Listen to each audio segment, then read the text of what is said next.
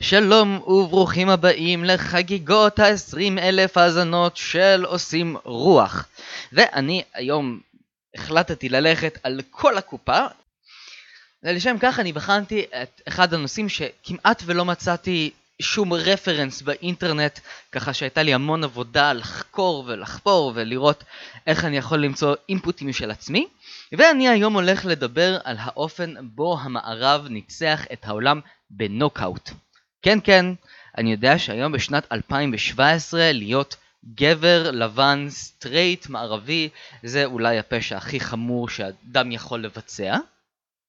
ונכון אנחנו יכולים להתנגד לגלובליזציה ולהחרים את מקדונלדס ואת הרשתות הגדולות ולהיות אנטי אמריקאים ואנטי קפיטליסטים לצאת בהפגנות ולנסות להפוך את העולם הזה למקום טוב יותר אבל צריך להיזכר בעניין אה, פעוט שלפיו המערב בעצם ניצח בנוקאוט.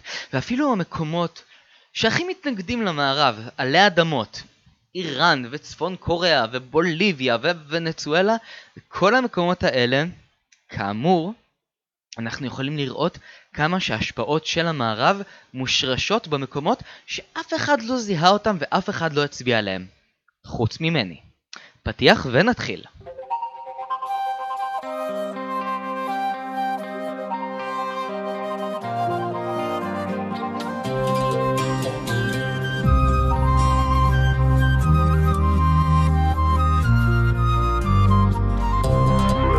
אני רוצה לפתוח עם הדבר המובן מאליו. בואו נחשוב על טקס פתיחת האולימפיאדה. נכון, עולים בזאת אחר זאת מדינות שהמערב עיצב בצלמו ובדמותו וכל מיני קווים שקבע בחול. החליט שמכאן ועד כאן זה ירדן ומכאן ועד כאן עד סוריה ואפריקה חילק לקונגו אחת וקונגו אחרת ונשארה איזה חתיכת אדמה באמצע. לא ידעו בדיוק איך לקרוא לה אמרו את תהיי הרפובליקה של מרכז אפריקה. והאנשים הם, הם העם המרכז אפריקאי כי אין עם כזה. אבל אלה דברים שהם מובנים מאליהם. אני מדבר על הדבר הכי לא ברור מאליו, שיש אותו לכל המדינות, ואני מדבר על דגל. איך קורה שבצפון קוריאה, באיראן ובשאר המדינות האלה מתנוססים דגלי המדינה ואנשים מצדיעים לכבודם ושרים למרותם ותולים את הדגלים בכל פינה? דגל זאת המצאה מערבית, זה אמצעי של שיטות תקשורת בין כל מיני פלוגות בצבאות באירופה מימי הוויזיגותים. מאז שאיטליה אוחדה מכל מיני ממלכות שממלכת ונציה וממלכת סיציליה וממלכת אה, פירנצה וכמובן רומא התאחדו ביחד וקראו לעצמם או oh, אנחנו מדינה ויש לנו דגל ו... אז הבריטים אמרו היי hey, גם אנחנו רוצים דגל ואז כל אירופה נפנפה בדגלי האימפריות שהלכו כבשו את העולם והיום אלו שיצאו מתחת לאותם שלטונות אימפריאליים משתמשים באותו אמצעי של הכובשים שלהם כדי להנציח את עצמם. אנחנו נפטרנו מהצרפתים שהכריחו אותנו להצדיע לדגל הצרפתי אז הנה נמציא לנו דגל משל עצמנו. לא יכלתם לחשוב על משהו קצת יותר uh, מעניין כדי לאחד אתכם? ולמה כל הדגלים בעולם צריכים להיראות כמעט אותו דבר? רוב הדגלים הם עם שלושה צבעים, כמעט כל דגל שמופיע בו הצבע האדום זה מציין את דם אחינו הגיבורים שנלחמו על אדמת המולדת, וכמעט כל ירוק מציין את התבואה שצומחת לנו, וכמעט כל צהוב בכל דגל מציין במובן זה או אחר את השמש.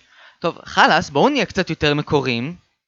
אה כן, יש מדינה אחת שהיא קצת יותר מקורית, נפאל. הדגל שלה מורכב משני משולשים, שאמורים ביחד לסמל את הצורה של הפגודה הנפאלית. מדינה אחרת שגם כן לא משתמשת בדגל מלבני, אלא מרובע, זה, זו שווייץ, שיש לה ממש דגל בצורת ריבוע, והפלא ופלא, בארצות הברית, מדינת אוהיו, הדגל שלהם הוא בצורת משולש עם מעין זנב סנונית קטן כזה חמוד, שזה גם כן דגל שהוא לא מלבני. פותח סוגריים, אוהיו היא אחת משלושת הישויות המדיניות בעולם שמורכבות רק מאותיות ה-V. אוהיו, איווה והוואי. סגור סוגריים, אני חוזר לדבר על הצפון קוריאה. צפון קוריאנים, אני מבקש מכם, אנא, שנו את הדגל שלכם ותחליפו אותו בזיקוקי דינור, או במשהו אחר שיהיה משמח. ואם אנחנו כבר מדברים על דגלים, בתור דבר שיש אותו בכל פינה ברחבי תבל, בואו נדבר על עוד משהו שגם כן יש אותו בכל פינה ברחבי תבל, ואני מדבר על המנונים. ולשם העברת הדברים שלי אני אערוך ניסוי קטן, אני אשמיע עכשיו שני אה, קטעים אינסטרומנטליים של המנונים, ואתם תצטרכו לשאול את עצמכם איזה מההמנונים הוא ההמנון של ערב הסעודית, ואיזה מההמנונים הוא ההמנון של פולניה. בואו נבדוק.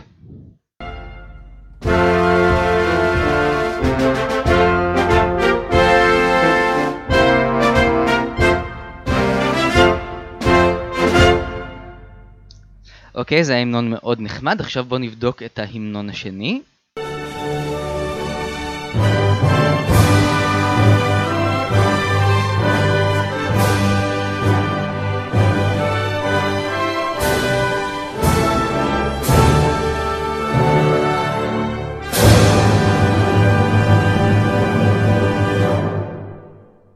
והתשובה היא כמובן שעבדתי עליכם וההמנון הראשון הוא של ערב הסעודית וההמנון השני הוא בכלל של איראן.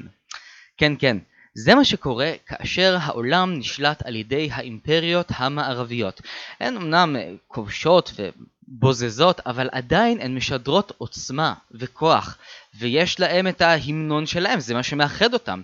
כאשר האמריקאים מגיעים ליפן, אין ליפנים המנון, אבל הם רואים של ה... אמריקאים יש דבר כזה מאוד נחמד עם מצילתיים שנשמע קצת כמו אה, מרש צעידה של ורדי מאופרה איטלקית ואז הם אמרו היי גם אנחנו רוצים.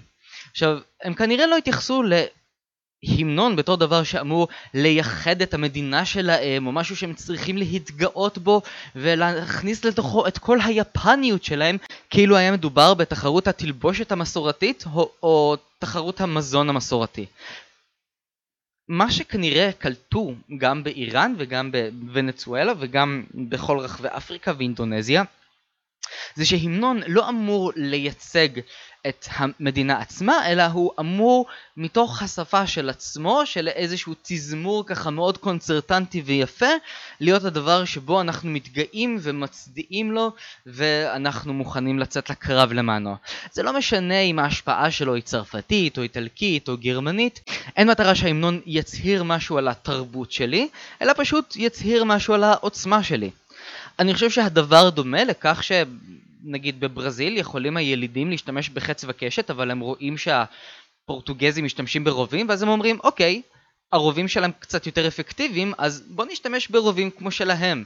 זה לא אומר שאנחנו נהפוך לפורטוגזים, פשוט נשתמש בנשק שלהם בשביל להראות כמה שאנחנו חזקים. זו הסיבה כנראה שבערב הסעודית לא השתמשו באוד או בדבר הזה של אביבה עוזרי, זכרה לברכה, הקנון, כנראה מתוך איזושהי תפיסה שאם אנחנו בתור ערב הסעודית נשתתף באיזו תחרות בינלאומית וככה יצטרכו לנגן את ההמנון שלנו ובהמנון שלנו יהיה קנון ולתזמורת המקומית של שטוקהולם נגיד לא יהיה שם קנון אז ההמנון שלנו יישמע מאוד רע. אז בואו נלך על משהו אוניברסלי שיהיה פשוט לכולם ואנחנו במוזיקה שלנו נעשה מה שאנחנו רוצים אז uh, מצטער, um, מירי רגב, אם חשבת שההמנון של ישראל צריך להכיל בתוכו איזשהו דרבוקה או בוזוקי כדי שההמנון שלנו יישמע פחות אשכנזי, פחות שיר איכרים רומני, אז uh, תחשבי שוב. כי א', זה יהיה פחות אפקטיבי להשתמש בתקווה עם דרבוקה, וגם בגלל שבאמת ההמנון שלנו מבוסס על שיר רועים רומני, כפי שאנחנו נשמע ממש בדוגמה הנוכחית, ונעבור هلا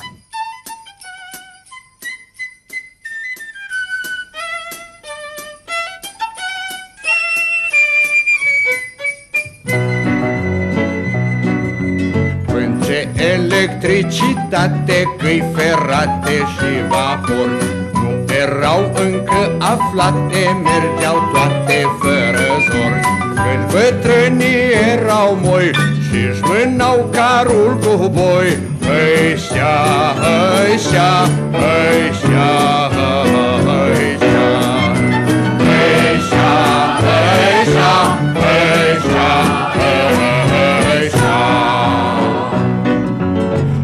Azi zburăm pe căi ferate Prin vagoane nesate Scoți cu capetele sparte ne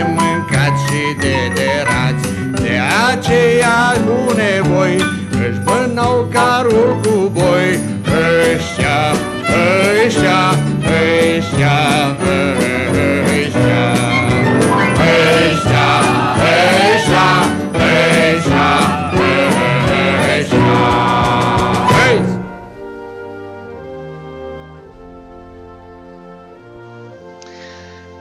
אגב, וכאן אני רוצה לפנות לדודה אירוניה, ולסיפור שיבהיר לנו שלפעמים אולי עדיף לתכנן את ההמנון מראש מאשר שנאמץ לנו המנון שבסופו של דבר יתגלה כאחד הדברים הכי פרוורטים ודוחים עלי אדמות.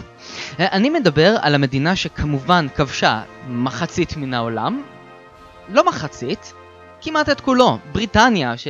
ש... כאשר היא אירחה את האולימפיאדה בלונדון בשנת 2012, זה למעשה היה פגישת מחזור של כל המקומות וכל האזורים שהיא אי פעם שלטה עליהם. אז בריטניה היא חלק מהנדבך הזה שגרם לכל המדינות בעולם שיהיה להם המנון משל עצמן. אבל ההמנון של בריטניה, שאותו אנחנו שומעים עכשיו ברקע, או, כאן אני רוצה לפתוח סוגריים ולהגעיל את כל מאזיניי, ולספר על התחורים של המלך לואי ה-14, שהיה מאוד פופולרי, ועבר ניתוח תחורים שהיה מאוד מסוכן, והיה סביר להניח שגם הוא לא בדיוק ישרוד אותו, אבל בסופו של דבר הוא יצא מזה בשלום,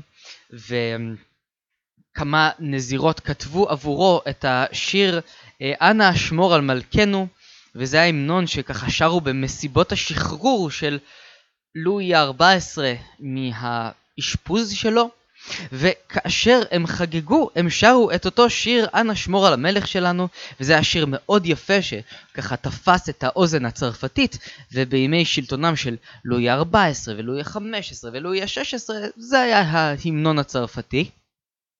ומה שקרה זה שיום אחד כנראה איזה תייר אנגלי עבר ושמע את ההמנון הצרפתי ואמר או איזה יופי והעתיק את הלחן והמילים הוא הביא אותו לבריטניה, בבריטניה הוא עבר כמה גלגולים ובסופו של דבר כאשר המלך ג'ורג' השני ניצח על המרד היעקוביני השיר הזה הפך להיות ההמנון הרשמי של בריטניה.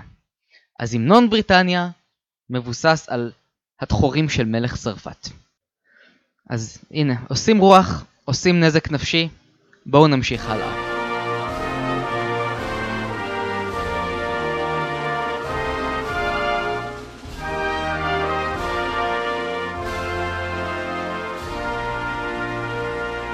בשנת 1968 נערכה בווינה חגיגה מאוד גדולה.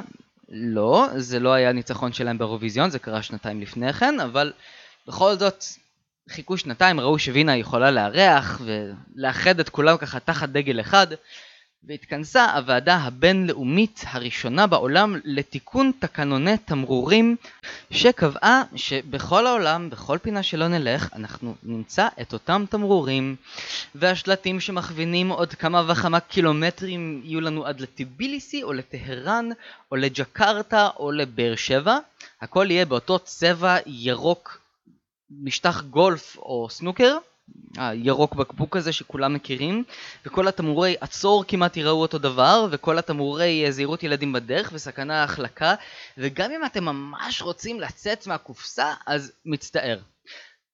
גם רוסיה הסובייטית, גם צפון קוריאה, גם איראן, גם כל כברת אדמה באפריקה שיצאה לעצמאות, כולם החליטו לאמץ את התקנונים האלה של התמרורים, לא מצאתי בשום פינה באינטרנט הסבר איך קורה שאף מדינה לא אמרה אני רוצה מתומן שמעליו יהיה כוכב מנצנץ.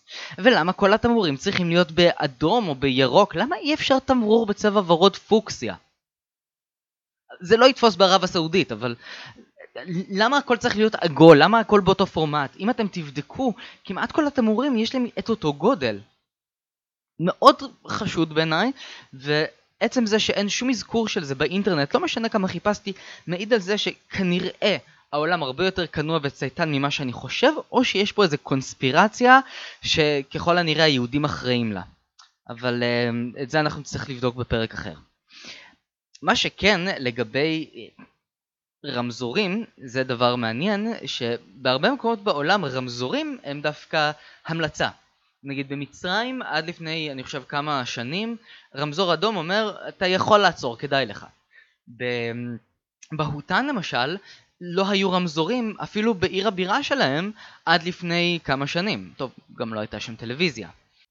אני חושב לעצמי, אתם, המדינות שהשתחררו מעול קולוניאלי, מדינות אפריקה למשל, למה שאתם לא תיקחו אה, את הסמל של אה, אה, זהירות, שביל מסוכן, הידרדרות אבנים או תהום לפניך ותעשו איזה שלט כזה דו-שפתי, אחד בשפה המקומית, הזולו או אה, סווהילית או מה שאתם לא מדברים, והשני יהיה באנגלית או בצרפתית אה, The road is fine, please drive fast ואז ככה אתם תוכלו לנקום בכל מה שעשו לכם. אה? טוב, אז אנחנו אם ככה נעבור לשלב הבא ואנחנו נשאל איך קורה שהמערב אמנם הגדיר את תמרורים של אה, ניתן זכות קדימה ועצור ואין כניסה אבל איך זה שהמערב הצליח להגדיר לכל העולם הומופוביה?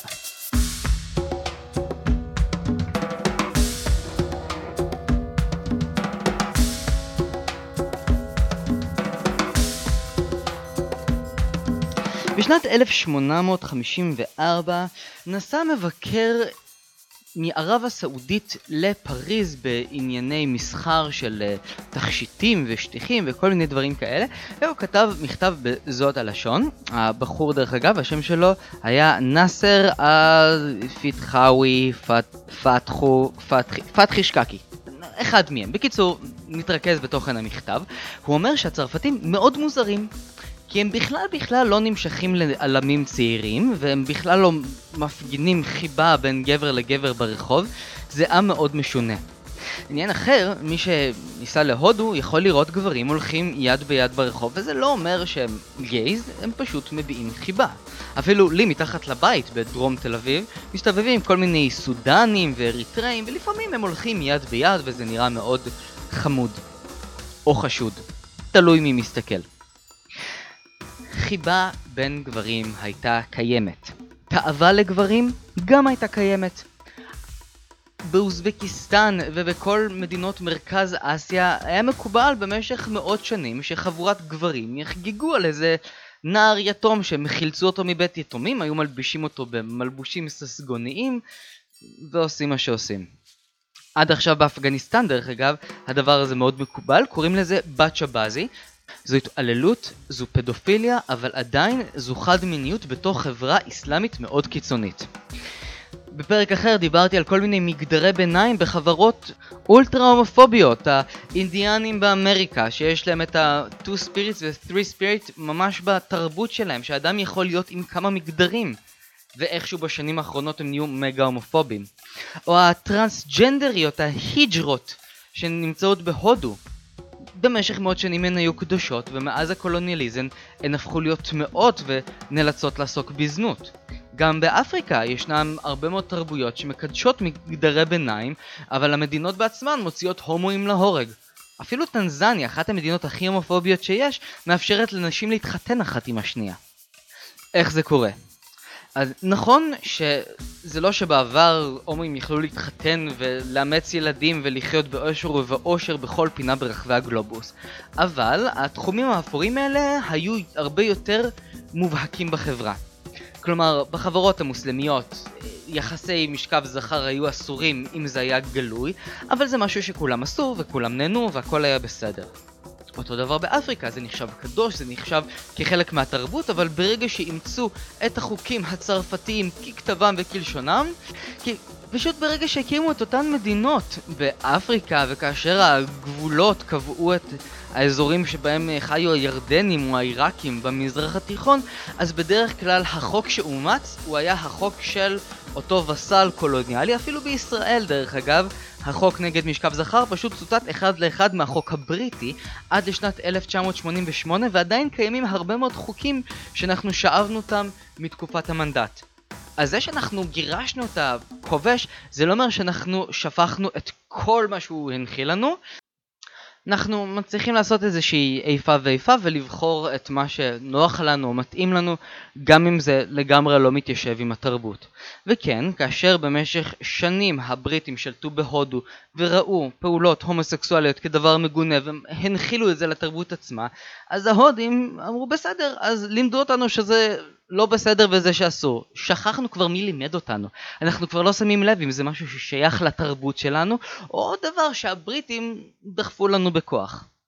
אז המערב הגדיר לעולם גם את ההומופוביה, אבל איך זה שהמערב הגדיר גם את הבודהיזם?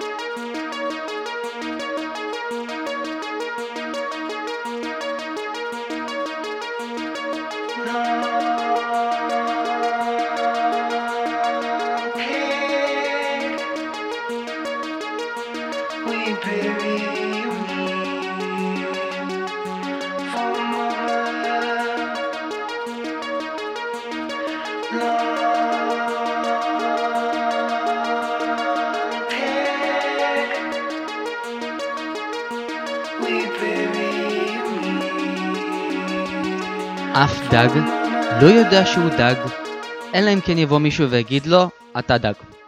גם שום ציפור לא יודעת שהיא ציפור, עד שאף אחד לא יבוא ויגיד לה שהיא ציפור. אבל אם הדג היה יודע שהוא דג הוא היה טובע, ואם הציפור הייתה יודעת שהיא ציפור הייתה פשוט נופלת למטה. אותו דבר תקף גם לגבי הבודהיזם. כי עד לפני 200 שנה אף בודהיסט לא ידע שהוא בודהיסט. וברגע שהגיעו מהמערב ואמרו לבודהיסטים, אתם בודהיסטים, אז גם התחילו הרבה מלחמות בין uh, כתות שונות או זרמים שונים בבודהיזם. ודבר שני, הבודהיזם גם כן התחיל להתייחס אל עצמו בתור בודהיזם. עכשיו, איך אני מגיע למסקנה המוזרה הזו? קודם כל, אני רוצה ללכת 2500 שנים אחורה, לתקופה שבה איזה נסיך בשם סידהרתה גואטמה אשר יצא מארמונו שלמרגלות הרי ההימלריה, כן, אני יודע שקוראים לזה הרי ההימלאיה, אבל אני הייתי שם ואני יודע על מה אני מדבר. הימלריה. בכל אופן, סידהרתה גואטמה לא היה אל מעולם. הדבר היחידי שיצא תחת ידו זה מעין הסבר לאופן שבו אנחנו חווים את הסבל והדרכים שלנו בתור בני אדם למנוע מעצמנו סבל. כלומר, המשנה של בודהה, אוקיי, סידרת גואטמה, ישב תחת עץ הבודי, זכה להערה, ואז קראו לו הבודה, המואר. אז הוא לא אל בשום אופן תאיסטי כמו שאנחנו רואים את זה במערב. מעבר לכך, התפיסה הבודהיסטית של איך אנחנו הולכים להגיע להערה נדדה ברחבי השנים בין אה, האזורים של דרום מזרח אסיה, הגיעה לסרי לנקה, הגיעה לתאילנד, לבורמה, לקמבודיה, לווייטנאם, קיבלה כל מיני שינויים למיניהם, אבל התפיסה נשארה אותה תפיסה. אף אחד בבודהיזם לא התכוון לומר אה, ככה נברא העולם או אתם תהיו אנשים טובים ותלכו לגן עדן או לגיהנום. זה לא ככה.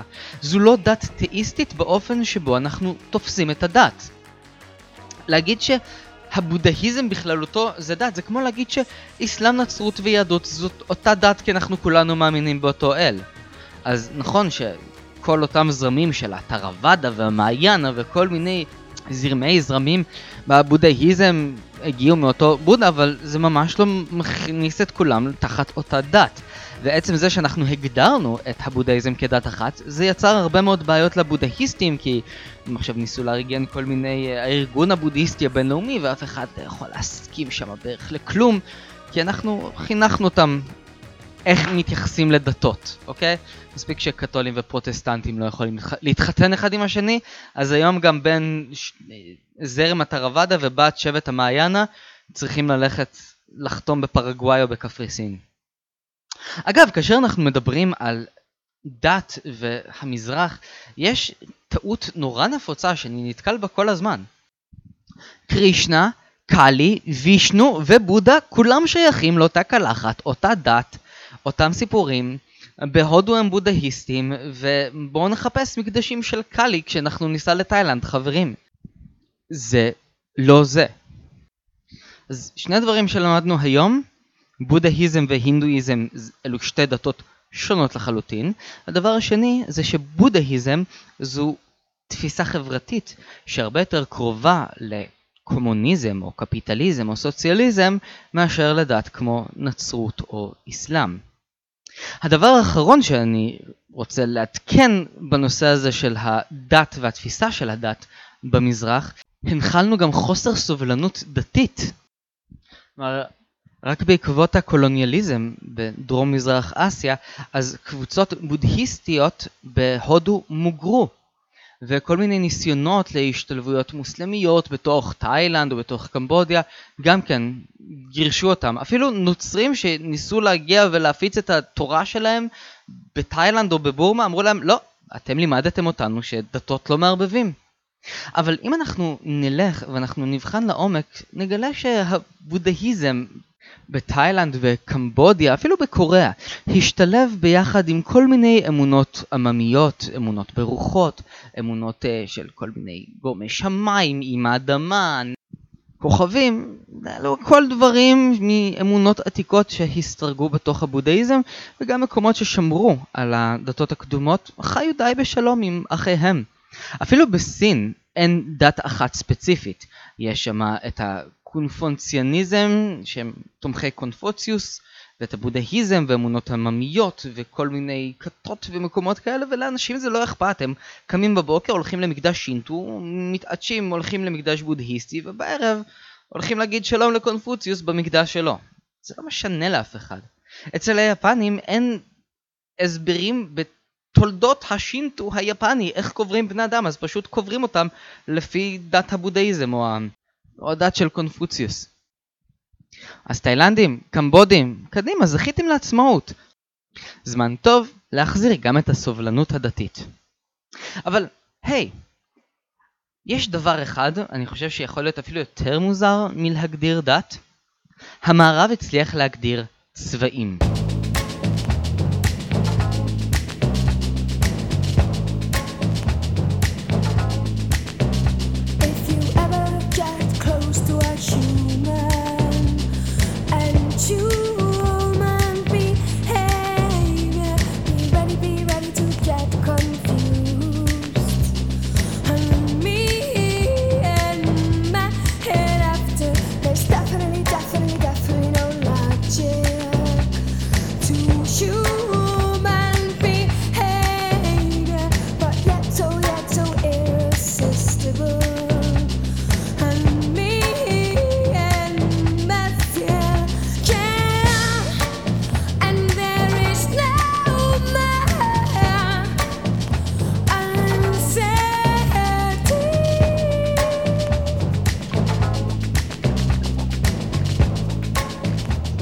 טוב, ללא ספק זה היה אחד המעברונים המשובחים שלי, אבל...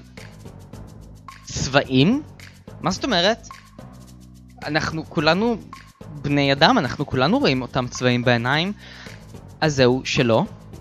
בספר בשם, קוראים לו בראי השפה, גיא דויטשר מתאר שמה איך התפיסה של צבעים התגלגלה במשך ההיסטוריה וכיצד כל מיני עממים באפריקה הגדירו סגול וכחול כגוונים של שחור, או תרבויות אחרות בהם ירוק בקבוק וירוק ממש לא נחשבים לאותו צבע. אפילו ברוסית, תכלת זה צבע שונה לחלוטין מכחול, синий ו голубой. למעשה, פולמוס הצבעים התחיל אפילו בימים של הומרוס, כאשר בכל כתבי האיליאדה והאודיסאה לא מופיעה המילה כחול אפילו פעם אחת. גם בתנ"ך לא מופיעה המילה כחול אפילו פעם אחת. כחל זה איפור שפשוט צובעים איתו מתחת לעיניים. כן מוזכרת המילה תכלת, והכוונה היא לפתיל תכלת, וכנראה שזה משהו שקשור לציצית, אבל איך זה שאחד מצבעי היסוד לא מתואר בכלל? אם נסתכל על האיליאדה, נבדוק שיש שם תיאור אחד של הים שהצבע שלו כצבע היין. ים ויין לא נשמע כל כך הגיוני. גם בכתבים של מצרים העתיקה לא מופיע, לא מופיע צבע כחול. מה שכן, כחול מופיע דווקא בכתבים סנסקריטים עתיקים מאותה תקופה בהודו, אז אומר שלא השתננו מבחינה אבולוציונית והתחלנו פתאום לראות כחול כבני אדם לפני כך וכך שנים, אלא היחס שלנו לצבעים השתנה ממקום למקום. בשפות ילידיות רבות באפריקה אימצו את המילים לכחול או סגול או כתום, צבעים שהם לא הגדירו אותם בשפות שלהם, כמו שהם ייבאו מילים כמו מחשב, אה, computer או אסטרונאוט או טלפון או כל מילה לועזית אחרת. זאת אומרת, ההמצאות הגדולות ביותר והצבעים הבסיסיים ביותר, כולם הגיעו מן הלועזית. פותח סוגריים, עד גיל 12 הייתי בטוח שיש שפה כזו לועזית, ושיום אחד אני אלמד אותה. סגור סוגריים.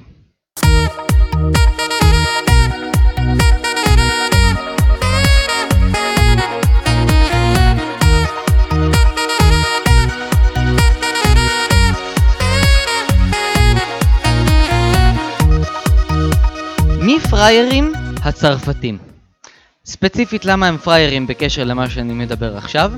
כי כאשר הבריטים והצרפתים התווכחו איפה יהיה ש... השעון שלפיו נקבעות השעות בכל העולם ואיפה יהיה המטר, הבריטים אמרו, הזמן ילך לפי גריניץ' בבריטניה והמטר יישאר בצרפת. אז יש מטר בצרפת שהוא בדיוק מטר ושומרים אותו עם מד לחוט כדי שלא יזוז בעשירית המיליל... המילימטר ימינה או שמאלה, אבל השעון הולך לפי גריניץ' ואזורי הזמן נקבעו לכל רחבי העולם. אפשר להתווכח עם זה, אפשר לשנות את זה. אנחנו יודעים שבסין למשל יש חמישה אזורי זמן, אבל כולם משתמשים באותו שעון, ככה שיש עובדים שקמים בבוקר לעבודתם המשרדית במשרדי הממשלה הסינית, די שעה שבע בבוקר, רק שזה בערך שלוש לפנות בוקר והאור זורח שם רק כשהם יוצאים להפסקת עשר. אבל סין מתחשבים בזה שיש איזשהו אזור זמן מוגדר שלפיו אנחנו מתיישרים. אפילו ברוסיה הקומוניסטית ניסו להכניס את, רוס... את מוסקבה בתור מרכז העולם וכל שאר הרפובליקות הסובייטיות נעו לפי השעון של מוסקבה. אבל גם כששעון מוסקבה שינה את הזמן שלו, הוא השתנה ביחס לשעון גניץ'. אפילו בצפון קוריאה עכשיו, שלפני כמה חודשים לרגל 70 שנים לשחרור מהדיכוי הנורא של הקפיטליסטים והאימפריאליסטים היפנים והאמריקאים, כל מה שהיה שם, הם החליטו שצפון קוריאה לא תתיישר עם כל העולם והיא משנה את השעון שלה. הם זזו חצי שעה אחורה. תגידו, איך זה שבכל פינה ברחבי העולם משתמשים ב-60 דקות? אתם רוצים לשנות את אזורי הזמן? תתפרעו, תגידו שביום יש 55 שעות, אוקיי? ותגדירו את זה אחרת ותחלקו את זה אחרת ותקבעו שה-24 שעות האלה שהם עובדתית הזמן שכדור הארץ מסתובב סביב צירו, תחלקו איך שבא לכם. אבל לא בא לכם. אתם מעדיפים ללכת רק את החצי שעה אחורה, לשחק את עצמכם ראש קטן, להיות כמו ונצואלה שהוגו צ'אבס גם כן הזיז את השעון חצי שעה אחורה, כל הכבוד, נהדר, אני ממש גאה בכם. אם יש מדינה אחת שאפשר ללמוד ממנה איך משנים את הזמן באופן קלאסי, זו אתיופיה, אשר שמה הזמן מתחיל בשעה 00 ב-6 בבוקר, או בשבע בבוקר, כי היום מתחיל מתי שמתעוררים. מה זאת אומרת היום מתחיל בחצות? בחצות הולכים לישון. היום לא יכול להתחיל כשהיום שלי בדיוק נגמר. אז כשאני קם בבוקר, היום בדיוק מתחיל, ב-0-0, וככה השעות זזות וממשיכות הלאה. אז אה, שעון אדיס אבבה הוא תמיד כזה קצת מוזר. אבל מה הכי מוזר, וכאן אני קופץ לסיפור האחרון, זה שאפריקה נמצאת למטה, ואירופה נמצאת למעלה, במפה.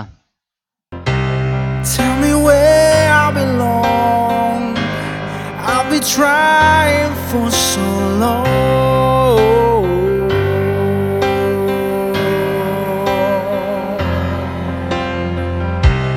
Breaking out through the night Made me see the bright light Now I'm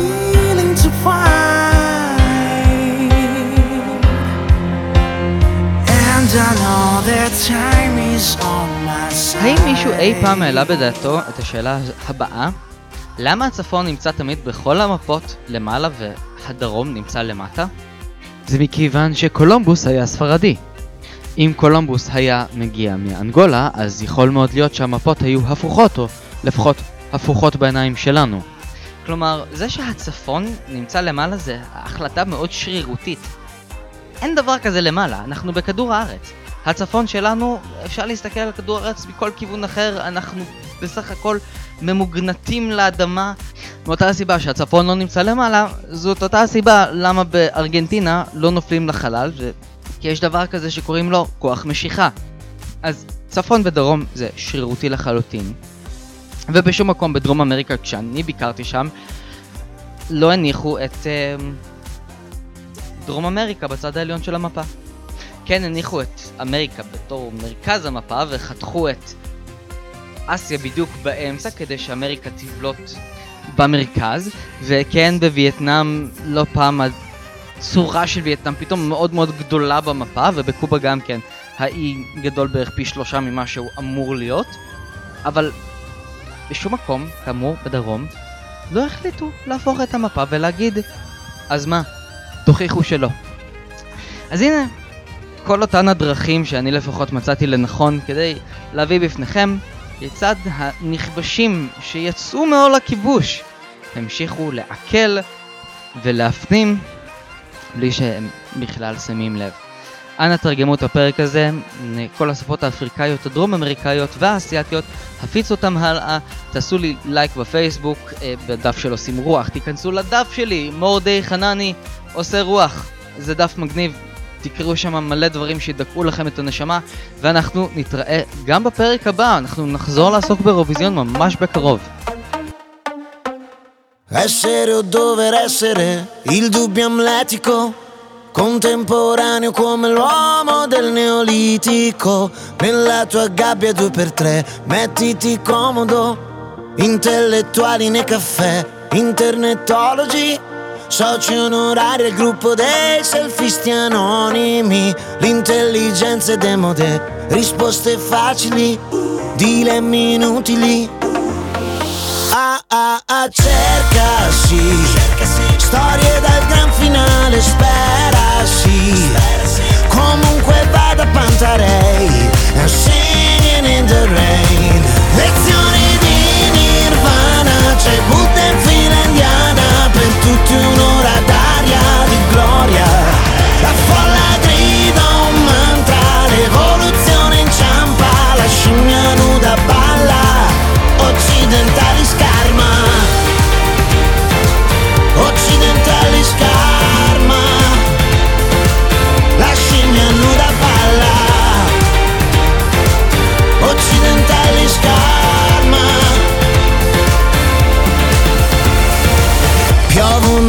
Gocce di Chanel su corpi assettici.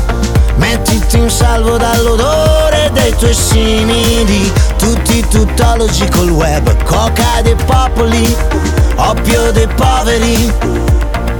Ah ah ah cercasi. Umanità virtuale sex appeal. Comunque vada Pantarei And singing in the rain Buddha in fila indiana Per tutti un'ora d'aria di gloria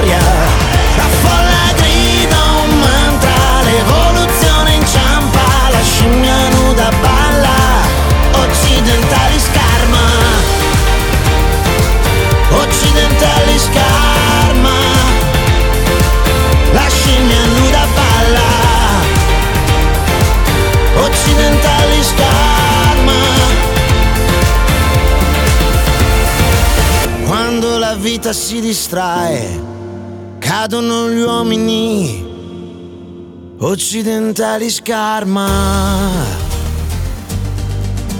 Mm. Occidentali scarma. La scimmia si